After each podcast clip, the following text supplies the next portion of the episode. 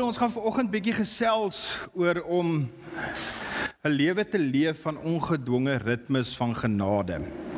So ek wil begin deur vir jou te vra en jy moet vir jouself bietjie die vraag vra. Voel jy bietjie ofwel, voel jy soms oorweldig deur die druk wat godsdiens op jou lewe plaas? Vir my wat ek sê, wat godsdiens op jou lewe plaas. Nie geloof nie. Voel jy soms dat jy regtig probeer en jy probeer regtig hard om reg te leef? Probeer hard om die regte ding te doen. Soms raak jy net moeg om dit te doen. Baie gevoel van kom net nie daarby uit nie. Dan sit jy met daai skuldgevoelens en ek is seker elkeen van ons wat hierso sit ver oggend, maak nie saak waar jy vandaan kom, hoe jonk of hoe oud jy is nie. Elkeen van ons kan vandag 'n storie vertel van eers waar ons druk in die lewe ervaar het. Ek dink dit is so waar. Wat gebeur is ons beleef hierdie druk van mense en dan kom ons nog met 'n godsdienstige gedagte wat God van ons verwag en dit plaas hierdie ongelooflike druk nie net op ons lewe nie, maar ook op ons geloof. Of jy eerlik sê volgens ek het nogal redelik baie druk met die aanloop na vanoggend beleef. Ehm um, ons het 'n livestream wat ons probeer ran wat met hardloop. Ehm um, en ek hoop van harte as julle op die livestream kyk, baie welkom en ek hoop nie ons is nie daar nie, maar as julle daar is, ons hoop julle is daar en ons is daar. Ek het regtig baie druk oor vanoggend beleef. Want as ek moet eerlik wees, as 'n ou het hierdie verwagting van ek moet hier kan wees, ek moet dit kan doen, my span moet reg wees, al hierdie goed moet reg wees. So ek plaas hierdie druk op my. Dan het ek hierdie druk op my geplaas van uh, gaan ek connect, gaan julle connect met die woord wat ek vanoggend vir julle bring wat God op my hart geplaas het. En gaan julle van my hou? Hm, dis die goed waaroor 'n mens bekommerd is en dan kom hierdie druk op my geplaas wat ek dink God op my sit om vanoggend iets te doen. Maar eintlik plaas hy geen druk op my nie, dis druk wat ek in my kop op myself plaas. Daar's 'n ou in die Bybel met die naam Paulus. Nou ek is 'n groot Paulus fan. As ek die top 5 mense moet kies saam met wie ek sal wil braai en kuier, is Paulus nogal bo op my lys. Um hy's in my top 5 want ek dink Paulus gaan 'n klomp amazing stories kan vertel en sjoe, passievolle man. Goed wat hy daarom gedoen het om die koninkryk te bou is die rede hoekom ons vandag hier sit. Hy was een van die groot sendelinge in die wêreld. Paulus het baie gedoen. Ons sê in die Bybel gaan lees en bietjie kyk al die goed. Hy's gemartel, hy's vir klippe gegooi, hy is toegesluit. Paulus het baie gedoen om mense na die kruis van Jesus te wys. Dit was altyd sy fokus. Dit was die een ding wat Paulus altyd vir mense wou sê, Jesus. Niks anders nie. Ehm um, gaan lees bietjie die Afrikaanse boodskap as jy begin luister hoe Paulus praat oor die Joodse wette wat aangehaal is. Ek gaan nie vir julle sê wat nie, maar as jy die boodskap 'n sekere stuk lees, gaan jy dalk van jou stoel afval soos jy lag van hoe hy dit dalk vir hulle gesê het. Gaan lees dit in die boodskap. Ek gaan nie vir julle sê waar dit is nie. Maar dit is baie great. So Ons begin vandag in 2 Korintiërs waar Paulus aan die gemeente skryf oor 'n doring in die vlees. Hy sê hy het 'n handicap en julle gaan sien by grane daar gaan ons ook baie die Engelse teks gebruik. Wat ons wil graag hê as jy Engelse vriende het, moet jy hulle ook hiernatoe kan nooi, want ons is nie net vir Afrikaans nie. Maar wat ons julle wel wil nooi is om te sê die woord van God is in Engels en Afrikaans dieselfde. En as iemand dalk kom wat meer Engels is, wil ons ten minste hê dat hy die woord van God duidelik kan hoor. So ons eerste teks vir oggend is 2 Korintiërs 12 vers 7 wat sê I in this Paulus wat dit skryf. I was given the gift of a handicap to keep me in constant touch with my limitations.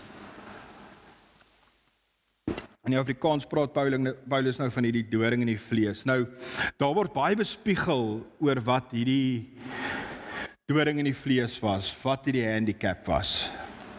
Party mense sê dit het gegaan oor versoekings wat hy deur gegaan het. Ehm um, dat hy dalk 'n struggle gehad het met seks en seksualiteit en dat dit vir hom 'n struggle was. Ander mense beweer weer dat hy nogal sigprobleme gehad. Hy het gesukkel om regtig te sien want ons weet uit die geskiedenis wat ons leer en dat ons ons dit gaan oplees dat baie van die goed wat Paulus self geskryf het, het hy nie self geskryf nie. Hy het iemand gehad wat dit vir hom geskryf het. So van daaruit kom hy die wonder is dit dalk omdat Paulus gesukkel het om te sien dat dit sy uitdaging was. Die ander een is hulle dink hy kon dalk malaria gehad het. Nou Paulus het baie rondgereis. Ehm um, as Paulus vir dag rondgereis het en plek tot plek gevlieg, dink ek sou hy 'n hele klomp Voyager miles gehad het. Ehm um, maar hy het baie gereis. So hulle dink malaria. Dan sou weer mense sê hy dalk hoofpynne gehad het, gesuk met sukkel met migraines. Ehm um, hy hulle dink hy kon dalk epilepsie gehad het. Ehm um, hulle dink hy kon spraakprobleme gehad het. Nou as ons na die Bybel kyk, sou Paulus nie die eerste een wees wat God gebruik het om iemand met 'n spraakprobleem te gebruik. Ek dink maar net aan Moses, hoe hard hy probeer het om weg te kom by die Here se plan vir sy lewe. As jy na die hele hoofstuk 2 gaan kyk in Korintiërs, ehm um, dan gaan jy sien dat Paulus sê ek kan oor baie roem. So ons weet wie Paulus is en die lees wat hy gedoen het, dan is dit nou nogal een ou wat ek sal sê as hy nou wil brag oor wat hy alles vir die Here deurgegaan het en gedoen het. Dan dan het hy nog al reg. Maar Paulus sê hy hy gaan nie groot praat nie. Ehm um, alwaaroor hy gaan praat as hy praat oor hoe groot God is. Wat dan gebeur is Paulus sê in vers 9 sê hy, ag in vers 8 sê hy dat hy na God gegaan en gesê vat asseblief hierdie doring uit my vlees weg. Hy het gesê vat hierdie handicap weg, Here, ek wil dit nie hê nie. Paulus het dit 3 keer vir die Here gevra.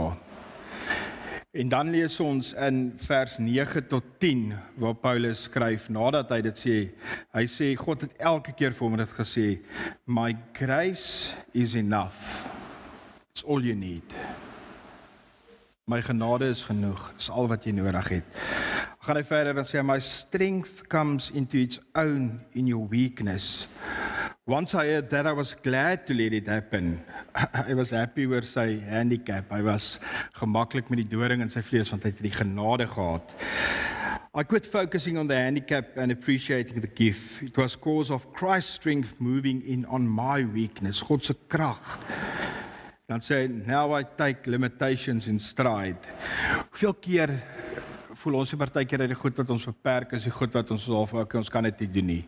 Partykeer is daai limitation dalk net die ding wat jy moet vat met hom in jou stryd gaan. Dan ek sou sukkel as ek Paulus was, maar dan sê and with good cheer. These limit, limitations that cut me down to size. Um en dan praat hy van goed, abuse, accidents, opposition, bad breaks. I just let Christ take over. And so the weaker I get, the stronger I become. So Paulus sê vir ons, God sê vir hom, my genade vir jou is genoeg. Hy sê dit is al wat jy nodig het sê God vir hom. Al die ander goed, maak nie saak nie, my genade is vir jou genoeg. Hierdie woorde my genade is vir jou genoeg kom baie lankal saam met my. Ek was in die laerskool gewees in NG Kerk Sidwilimpie en daar was oom oom Ben Westraat. Hy was ouderling gewees. Hy was 'n massiewe lang man gewees met sulke groot hande. En daai tyd kon die ouderlinge partykeer preek en omtrent elke keer as oom Ben gepreek het, het hy hierdie teks gebruik wat hy sê: "My genade vir julle is genoeg." En ek dink waar hy die geleentheid gekry het. Ek dink hy het vir iemand begin sê my genade is vir julle genoeg. Hallo, my naam is Ben. Maar dit is sy lewe gewees. En ek onthou hy het kanker gehad en ek weet tot op sy sterfbed as mense vir hom gevra het hoe gaan dit, het hy gesê die Here se genade is genoeg. Nou as kind het dit nie vreeslik vir my iets beteken nie. My genade is vir jou genoeg. Soos ek bietjie groter begin raak het en aanstap in die lewe, het ek 'n bietjie begin verstaan van genade. Maar ek verstaan nog nie veel van genade nie. Bouer Bosch sing 'n liedjie met die naam ehm um, genade. En ek wou vanoggend weer gespeel het, maar ek sal dit liewer op die Facebook wat post ek vir Bouer gevra kan ek dit share. Maar dit is so rou lied dat ek graag wil hê jy moet dit dalk op jou eie gaan luister. Waar Bouer sê: "Onse Vader, ons is lief vir jou." Maar ek verstaan nie genade nie. En baie van ons is lief vir God, lief vir die Here, lief vir Jesus, maar ons verstaan nie noodwendig hierdie genade nie. Nou hierdie woordjie genade is iets wat julle dalk nog baie by ons by Granendal gaan hoor, want Granendal se hart is om in God se genade te leef. Ons droom is om mense te kry om in hierdie genade te leef. Ons droom is dat mense saam met ons op 'n reis gaan gaan om meer van hierdie genade van God te ontdek. Maar die lekker ding van God is is omdat hy so almagtig is en so groot is, is hierdie reis nooit hier klaar nie. En daarom sê ons Granendal is ook 'n plek waar enige ou maakie saak waar hy in sy reis met die Here is nie, moet kan tuis voel, moet kan inskakel. En die ouens wat dalk nie in die journey is, gaan dalk by die ouer mense op die journey leer, maar die ouer mense gaan dalk by die jonger mense in die journey leer. Ons hoop dat ons op hierdie reis kan gaan van gebrokenheid en dat elkeen van ons kan leer wat is ons doring in die vlees. Wat is die handicap wat in ons lewe is wat God wil gebruik om ons uit die beeld van Jesus te vorm as ons daaglik in sy ritmes van genade lewe. Want die woordjie genade is swaar gelaai. Ons hoor dit baie. Ag man, ek het grace met jou. Julle dalk hoor mense sê ag, ek sal genadig wees met jou. Ek het grace met jou. Maar genade is 'n baie swaar woord. En vandag weet ons nie meer eintlik wat die woord regtig moet beteken nie. Want dit is 'n woord wat baie gebruik word, maar wat ook baie afgeskryf word. Kom ons dink maar aan cancel culture. Julle het almal al gehoor van cancel culture? Okay, die wat nog nie daarvan gehoor het nie, is jy was dalk mense is dalk 20 jaar oud gewees toe post hulle iets stupid op Facebook. Ehm um, en toe raak hulle bekend en nou 20 jaar later het hulle hulle siening verander. Hulle is nie meer wat hulle toe was nie en dan besluit mense ons gaan hulle cancel. En dan word hulle konserte en al daai goed gekansel. So ons leef liewer in 'n samelewing vandag van mense cancel en afskryf as om genade te hê. Nou die vraag is wat is genade? Ons kan baie maklik gaan kyk by die Woordeboek en sê maar wat is die Bybelse betekenis van genade? Nou die Bybelse betekenis van genade is as volg: vry en totaal onverwags. Vry en totaal onverwags. Hoe sou julle gevoel het as ons vanoggend vir julle elkeen 1000 rand gegee het as julle eendag gestap het? Dit sou nogal onverwags gewees het. Dis amper groot God se genade is. Partykeer kyk ons onsself en ons sê, "Hoe kan ons hierdie genade kry?" Ek het nogal gestuk sukkel met die voorbereiding van hierdie boodskap, veral met hierdie volgende stukkie, want om die grootheid van God se genade te verstaan, moet 'n mens ook verstaan hoekom het jy genade nodig? Want as 'n mens nie genade weet hoekom jy dit nodig het nie, dan gaan jy nie die genade wil hê nie. Wie van julle kan onthou jare terug? Meeste van ons is nou al redelik groot en senior. Kan julle onthou as jy iets wou gehad het wat jou maale vir jou gevra het? Hoekom het jy dit? Hoekom wil jy dit hê? Het jy dit nodig? Onthou julle dit? So as ons nie gaan verstaan dat hoekom ons dit nodig het, dan gaan ons nooit die genade wil vat nie. En ek het met hierdie konsep gestruggle om dit op 'n manier vir julle te sê dat dit nie veroordelend klink nie en dat ons niemand uitsonder nie, maar ek en jy het genade nodig en ek kan dit nie anders sê as om te sê ons is sondaars nie. Weet jy wat jou sonde is? Nie? Jy weet wat myne is. Nie? Baie van die sondes kan ons dalk sien in mense se lewe, maar baie sondes gebeur agter 'n toedeur waar mense nie kan sien nie. En dit is belangrik dat ek en jy moet besef dat hierdie genade kom juis in omdat ons sondaars is. As ons almal perfek was, het ons nie genade nodig gehad nie elkeen van ons doen goed wat verkeerd is. Wie van julle het al gejok? Kom Rosita. Ken jou Rosita ken haar van 1997 af en ek het haar seker vir die eerste keer in jare vandag gesien. Ehm uh, lekker dat jy hier is, hoor. Wie van julle het al ooit in jou kar gesit en daar 'n taxi voor jou ingery en jy het 'n lelike gedagte gekry. Dankie pa. Dis my skoonpa. Hy's ook vandag hier. My skoonma is ook hier, so dis nog meer pressure op my. Dis ek maak 'n knoop en pan het vandag. Ehm um, so ek kan vir julle klomp goed gaan noem en die feit dat jy dit een keer gedoen het beteken jy is dit. Jy's 'n sondaar want jy het sonde gedoen. Ek en jy nie gaan besef dat ons sondaars is, gaan ons nooit verstaan dat ons hierdie genade nodig het en ons gaan nooit dit aanvaar nie want ons gaan dink ons is okay. En dis omdat ek dink ons almal is sondig. Ons lees dit in Romeine 3 vers 23 gesê, "For everyone has sinned. We all fall short of God's glorious standard." En dan weer vers 24, "Yet God in his grace." In sy genade. Nie ons nie, in sy genade freely makes us right in his sight. He did this through Christ Jesus when he freed us from the penalty of sin om God se genade te aanvaar, moet ons besef dat ons dit nodig het. Ons moet besef dat dit onverdiend. Ons lewe in 'n wêreld wat godsdienstigheid baie groot is. Um ons is in 'n plek wat ons baie keer wil sê ja, maar mense sê jy moet kerk toe gaan, maar ek het nie nodig om kerk toe te gaan nie. En ek wil vir jou sê ja, ons het nie nodig om kerk toe te gaan nie, maar ons het nodig om gemeenskap met ander gelowiges te hê. Ons het al hierdie goed wat ons dink as ons dit doen as ons dit doen. Een keer met iemand gepraat, sê die persoon maar ek dink ek doen sonde nie. Sê ek is vir iemand van wie jy nie baie hou nie. Dis sê ek wel dan ja, daar's iemand ek dan sê ek maar dan net julle nie lief nie en ons moet mekaar lief hê. So die sonde is nie 'n nakoming van die 10 gebooie nie. Dis die nakoming van God liefde en jou naaste liefde soos jouself. Dis die grootste gebooie wat daar is. Ons het nodig om te verstaan dat dit gaan nie oor wat jy doen nie. Dit gaan nie oor die werke wat jy doen om genade te verdien nie. Jy kan elke Sondag by 'n kerk 'n deur oopmaak en smile en vir mense sê welkom hierso. Jy kan koffie maak, jy kan klank doen, jy kan hier kom sit. Dis godsdienstigheid, maar daar's meer nodig as dit. In die wêreld leer ons as ons iets wil hê, moet ons iets doen om dit te kry. Onthou as kind word ons baie keer geleer. Ek weet jy wat vandag nog so in Durban wil is, maar ek weet as ek baie keer iets wou gehad het, moes ek dalk akademies goed in 'n sekere vak maak kry of ek moes iets bereik het en dan kan ek dit kry.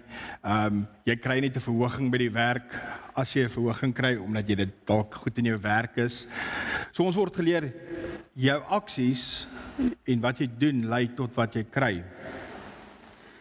Maar God gee dit. Ons moet dit vat. Ons moet dit aanvaar. Ons moet dit leef. Ons moet dit uitleef en ander mense ook innooi in God se genade. Maar die kern van ons geloof is dat God het Jesus gegee. Toe God Jesus gegee het, het hy hom gegee sodat hy hierdie sonde wat ons het op homself kan neem. En Jesus het hierdie dierprys betaal Maar die wonderlike ding is saam met hierdie prys wat Jesus betaal het, gee dit vir ons die geleentheid om 'n nuwe identiteit te kry. Nou jy gaan nie 'n nuwe ID kry nie, maar jy gaan 'n nuwe identiteit kry. Jy kry die identiteit van die voorreg en die geleentheid om die kind van God genoem te word. Die skepper van die hemel en die aarde wat hierdie wêreld so liefgehad het dat hy sy seun gegee het. Staan in die Bybel 1 Johannes 1 vers 12 dis wat ek en jy moet doen. But all who believed him and accepted him he gave them the right to become children of God. Jy moet net glo. Jy moet net sê Here ek maak oop. Saam met hierdie nuwe identiteit. Om kind van God te word ontvang ons hierdie genade hierdie genade is daar vir my en jou as ons sê Jesus, ons wil U volg. Ons wil hê U Vader moet na ons kyk deur U en ons as 'n kind sien. Die genade is vir almal bedoel wat hier is, wat hom al aangeneem het. Maar weet jy wat is die moeilike ding vir ons as gelowiges om baie keer te aanvaar? Is dat hierdie genade is tot daar vir 'n moslim, vir 'n hindu, vir iemand wat glad nie glo nie. As hulle besluit nou of op die oomblik voor hulle sterf dat Here ek erken U as die redder, dan kry hulle presies dieselfde as wat ek en jy kry, kunskap van God. Dit is moeilik om te glo. Ons wil ook nie met ons menslike brein dink dat iemand kan hulle hele lewe leef en alles doen wat verkeerd is en dan gee God hulle nog tot op die naaste nippertjie dalk 'n kans om te sê ek kies nie. Maar die genade is oop vir almal. Enige tyd om te vat is op die tafel. So as jy God aanneem, as jy kies om in hierdie genade te lewe, word jy 'n nuwe identiteit geskep as 'n kind van God. Jy kry 'n nuwe geboortesertifikaat in die hemel wat bestempel word met die bloed van Jesus. Dit is hoe kosbaar jou identiteit as kind van God is. So die vraag vandag is wat jy as jy moet uitstap en 'n bietjie die week gaan dink is leef jy in God se genade? Het jy al op 'n punt gekom waar jy dit wat hiervoor betaal is maar gratis gegee word aanvaar. Dalk het jy al dit aanvaar. Dalk draai jy dit baie naby aan jou koester dit. Dalk het dit jy so 'n bietjie by die huispartytjie laat los en vergeet van dit. Het jy dit aanvaar? Het jy dit aanvaar? Is jy moeg? As jy moeg probeer om die regte godsdienstige dinge te doen, draai jy swaar aan jou geloof dan ek wil sê jy leef nog nie in genade nie jy hou nog vas aan iets wat die wêreld ons leer van merkies, merkies, merkies, merkies. Ek onthou as kind het ek 'n sekere rympie gehad wat ek elke aand in die bed gelê en bid het. Partykeer het ek in die slaap geraak voor ek het gebid het of ek het vergeet om vir iets te bid en dan het ek so skuldig gevoel want ek het nie gebid nie. Ek het nie verstaan God se genade nie. Hy verstaan. Hy ken ons, hy sien ons. Ek wil begin klaarmaak as ons praat oor godsdiens en swaar dra van geloof en laat ons sukkel om hierdie genade te verstaan, wil ek vandag jou nooi met die woorde van Jesus. Ek wil jou nooi om te begin leef in ritmes van ongedwonge genade. En dis Jesus se woorde. Dit staan in Matteus 11 vers 28 tot 13. Dit is ook Granendal gemeente se lese leef ritmes van ongedwonge genade. En dis ook ons teks wat ons as gemeente dra. Daar staan in die message. Dit is so mooi. Dit sê dit amper net so mooi in Afrikaans, maar hoor daarso. Hoor mooi, are you tired? Worn out? Burnt out on religion? Ons almal ken hierdie Bybelvers. As jy moeg en oorlaai, kom na, kom na my toe ek sal jou rus gee. Die oorspronklike vertaling of ons sê as jy moeg vir godsdiens. Want Jesus het in daai tyd baie gepraat met die ouens wat die wette voorgehou het en nie vryheid aangebied het nie. Van doen dit, doen dat en dan sal jy gered word, maar Jesus sê as jy moeg vir hierdie godsdienstige praktyke wat dade is wat jy doen maar wat leeg is, wat nie vervulling het nie. So jy burn out on religion en dan sê hy come to me. Get away with me and you'll recover your life. I'll show you how to take real rest. Walk with me and work with me. Watch how I do it. Learn the unforced rhythms of grace. I won't lay anything heavy or ill fitting on you. Keep company with me, and you learn to live freely and lightly. hierdie uitnodiging van Jesus nooi jou om 'n las van godsdienstigheid te kom neerlê. En ek wil vir julle vra wat vandag hier sit as dit ooit vir julle begin voel dat ons by Granendal gemeente godsdienstig begin raak. Dan wil ek hê jy moet so hard as wat jy kan my agter my kop kom klap en sê onthou wat jy die eerste Sondag gesê het.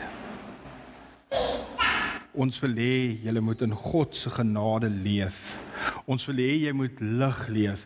Een van ons waardes waarna ons streef as jy op ons webwerf gaan kyk sê om mense te help om hulle geloof te leef sonder skuldgevoelens. As jy op 'n Sondagoggend Sandra as 'n stapper. Nou ek het altyd geweet op 'n Maandag as Sandra gestap het want as ons Zoom gehad het, dan het ons gevra, "Gaan dit met almal?" en as Sandra gesê dit gaan goed, dan weet ek Sandra het gaan stap. As Sandra net gesê dis oukei, okay, dan ek weet ek sy kon nie gaan stap die naweek nie. Nou Sandra gaan nog 'n stapgroep begin vir die Granendal mense. Party mense hou daarvan. Granendal is nie godsdienstig oor hierdie samekoms nie. Ek het vir haar gesê, "Sandra, as jy op 'n Sondagoggend 'n groep mense kan kry en in die berge wil gaan instap, weet jy of 'n dag soos vandag 'n goeie idee sou wees nie, maar dalk 'n bietjie koeler en ons het 'n gathering hierso, gaan stap met hulle want dis kerk. Die gelowiges in die Bybelse tyd, die vroeë kerke tyd saam met mekaar spandeer. En die Bybel sê in Handelinge omdat hulle lief was vir mekaar, is daar elke dag duisende mense bygevoeg. Nie noodwendig omdat hulle 'n klomp goed reg gedoen het nie. Dis jy moeg om die godsdienstige goed na te jaag. As jy moeg is daarvoor is die antwoord om ja te sê vir 'n verhouding met die Here. om saam met hom te stap soos hierdie teks sê, om saam met hom te loop, vrede te kry en te leer om vry en lig te lewe. Dis nie 'n uitnodiging na 'n klomp godsdienstige dinge nie, maar dis om hom te volg om 'n verhouding te hê. As jy geloof, as jou godsdienst vir jou leeg voel op hierdie stadium, dat jy regtig uitnooi, wil jy nie kies om 'n ongedwonge ritmes van genade te leef nie. Maar hoe leef 'n ou? 'n ongedwonge ritmes van genade. Goeie nuus is hierdie sluit ek af.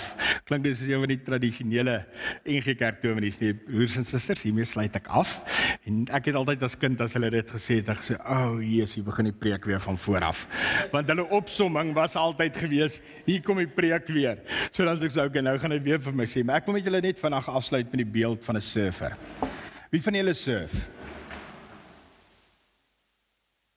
julle is besig om te leer ken julle Gautengers, maar waar's haie? OK, jy ry nie op jy, jy ry nie met 'n skateboard in die Kreerwiltuin nie, so ek weet nie kom surf jy in die see nie, want daar's haie. OK. Almal het al gekyk hoe surf ouens. Wat is die kenmerkende ding wat jy moet kan doen om 'n surfer te wees? As jy moet waar wees? In die see. In die water, daar's mos uit die kunsmatige goed, so dis nogal redelik belangrik. As ek vir my 'n surfboard koop, 'n longboard, dit sal 'n lang een moet wees wat hy met my kan dra. In 'n wetsuit, maar ek sal dit nooit doen want ek kom nog nooit in 'n wetsuit picture nie. En ek gaan sit op die strand met my wetsuit dan picture that met die longboard die lank so my maak dit my 'n surfer. Verseker nie. Geniet ek die vreugde en die genot van vryheid wat daai surfer beleef as hy 'n wave vang? Nee. So die belangrike ding van 'n surfer wees is jy moet bereid wees om in die water in te gaan. So die surfer moet in die water ingaan en hy moet daar wees om die brander te vang. Hy kan nie hier op die kant sit op sy surfboard en vir die girls kyk of as dit 'n meisie is vir die ouens kyk en dan sien daar kom 'n golf en try inhardloop en hom vang en dit gaan te laat wees. As hy wil surf met die hele tyd in die water wees. En partykeer sien ek daai surfer sit net daar En dis net so seasick motion. Jy wil dit reg kry nie, maar hulle sit net daar. Ek het nog nooit 'n surfer gesien met sy bord ook so druk in die water om 'n brander te probeer maak. Ek onthou as kind was dit vir ons baie van in die swembad. Jy het altyd probeer branders maak in die swembad. Ek weet jy van julle dit ooit gedoen het of was ek net weet gewees nie. Want ons kon toe branders maak, maar nie seker nie die waves maak nie. Surfer moet in die water wees. Hy moet in die water wees en wag. Hy moet dit voel, hy moet dit beleef, hy moet dit sien.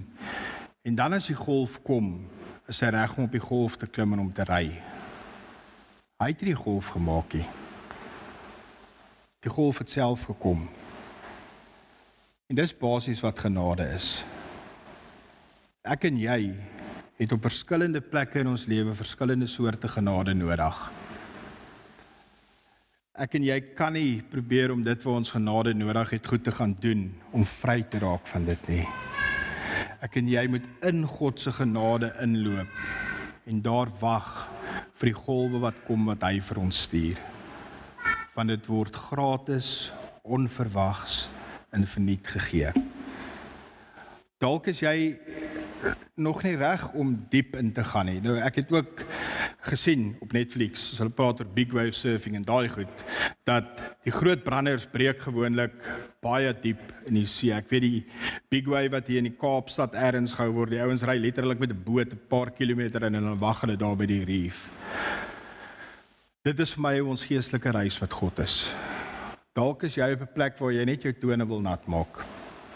In die Kaapse water wil almal gewoonlik net tone nat maak tensy jy van Gauteng afkom. Maar ons is altyd voetjies in die water. Dalk is dit waar jy op hierdie stadium in jou reis met die Here wil wees. Ek is nog nie heeltemal reg om 100% in te klim nie. Ek is bereid om hierdie kans te gee. En jy's dalk op die plek waar jy net in hierdie klein brandertjies moet speel. Dalk wil jy dieper ingaan en sê maar ek wil my verhouding verder met die Here vat. Ek wil verder saam met Jesus stap. Ek wil meer van Jesus leer dan gaan jy bietjie meer begin waag in jou geloof ook want jy gaan nie beperk word deur die vrees van ek gaan iets verkeerd doen nie maar jy gaan dieper in so met jy gaan wag vir God om die golf vir jou te stuur en jy gaan hom vat en dalk wil jy baie diep ingaan en jy wil 'n kerk gaan plant soos ons klomp lawe loodspan mense en dan wag ons vir die Here se golf Ons het gedink die golf is 2020. Ehm um, ons het drie fellowships hier gehad die maandag aand en toe sê hulle, "Ag, ah, hier's nou so 'n ding wat na bier vernoem is en hulle noem dit corona." En ons Sondag is weg. Maar ons weet dis nou God se golf. En ons is nou bereid om dit te ry. So ek wil afsluit en vir jou vra, wil jy nie vandag 'n keuse maak nie? Wil jy nie 'n keuse maak om dalk net bietjie dieper in die water in te stap vandag nie? Dalk as jy nog nie in die water is, wil jy nie vandag 'n keuse maak om dalk net in te stap nie? Ek wil jou nooi om dalk op 'n reis in jou lewe saam met Granendal gemeente te gaan en saam met my, saam met ons as familie te leer wat hierdie genade is. Om 'n plek te wees waar ons God se genade aanvaar, maar ook God se genade met mekaar het. Waar ons kan gaan gesels oor goed wat ek en jy dalk baie gaan verskil, maar wat ons daar kan uitstap en sê Jesus maar dit is nou so lekker want ons het gesels oor iets en ons kon dalk iets anders leer vandag. Jesus nooi jou. Kom loop saam met my en leer en beleef hierdie ongedwonge ritmes van genade. Die genade is op die tafel. Die uitnodiging is vir jou geplaas. Die volgende stap is joune. Kom ons bid saam.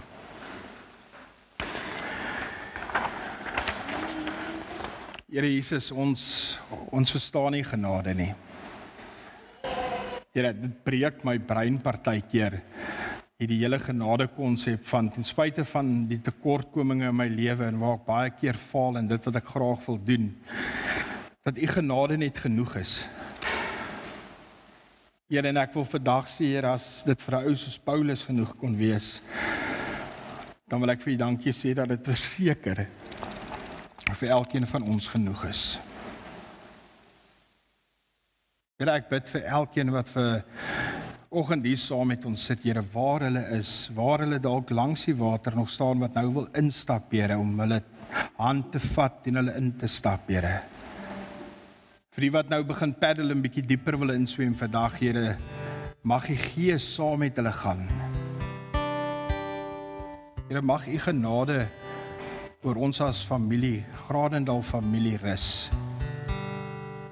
Mag jy dit so reg in ons lewe kry dat ons in hierdie ritmes van ongedwonge genade lewe dat as mense hier instap en as ons mense by ons werk of by die skool of by die universiteit in vasloop Here dat die genadegolf wat saam met ons van U af kom Here ook sommer hulle sal aanraak Here.